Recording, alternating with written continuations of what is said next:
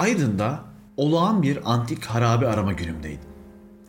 Afrodizyas'tan çıkmış, az bilinen hatta belki hiç bilinmeyen bir antik kalıntı arayışındayken dillere destan pidesinden yemek için Yeni Pazar ilçesine gittim. Giderken yol üzerine bir kahverengi tabela gördüm.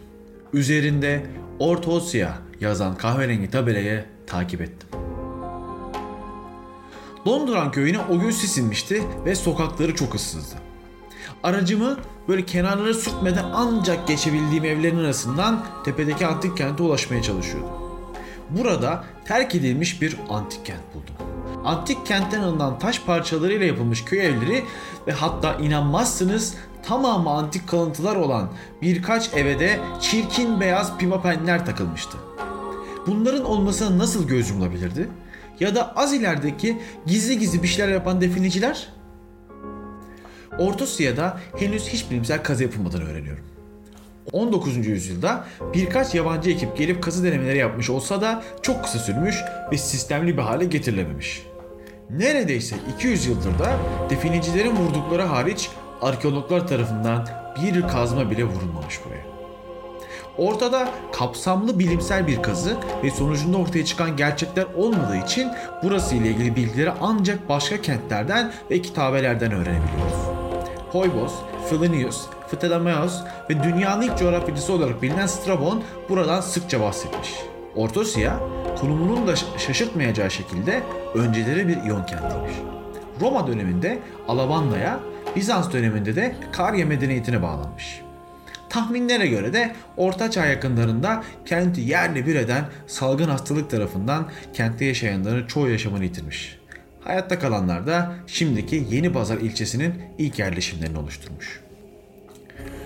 Adını Helence'deki doğru dürüst anlamına gelen Ortos sözcüğünden alan bu kent günümüze ulaşmış değil. Fakat ulaşan birkaç şey de var tabii ki.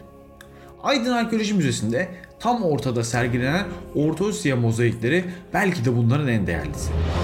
Şimdiki yerleşim yerinin adı olan Donduran köyünde bir köy evinin bahçesinde bulunuyor bu mozaik. 20'ye 4 metre ölçüsüyle zaten müzede görenler devasalığını anlayacaklar.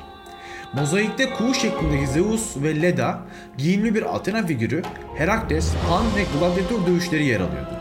Taban mozaiği olduğu sonradan anlaşılan mozaik o kadar kaliteli yapılmıştı ki Roma döneminden önce yapılmış olma ihtimali yoktu.